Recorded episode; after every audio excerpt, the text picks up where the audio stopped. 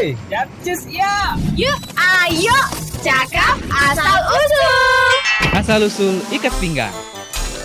Pada abad ke-16, perang masih terjadi di mana-mana. Oi, kau ngapain dari tadi sibuk nyusunin barang ke peti? Ini bukan barang sembarang barang. Ini senjata. Shh, jangan kasih tahu orang-orang ya. Ini ada misi rahasia apa nih? Kita harus segera berkemas karena kita mau pergi perang. Oh ya, Hmm, perang. perang. Baiklah, aku ganti baju dulu nih. Iya, ngapain Baru pula pulang kau nggak pesta. pakai baju? Eh, oh, baru pulang pesta tadi gerah. Hmm. One hour later. Woi, Woi. udah siap kau? Yang repotan lah dari tadi. Harus ganti baju lah, apalah. Udah ayo, jangan ribut lagi eh. Tapi seriusan kita perang bawa-bawa peti kemas kayak gini? Gak salah gitu. Mau kayak mana lagi? Ini semua senjata yang kita perlukan waktu perang nanti. Ada pisau, ada tembak, ada busur panah. Itu?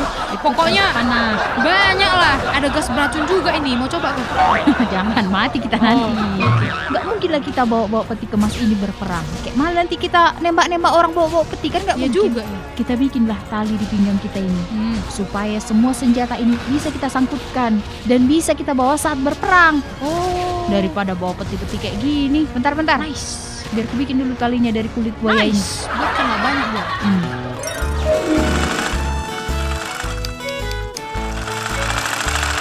Nah, ini dia.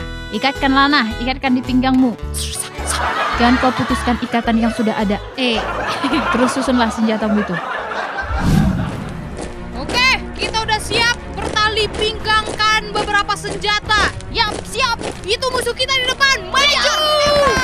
Lemparkan gas beracun itu. Pandel, dua kan kita menang ya. Yes.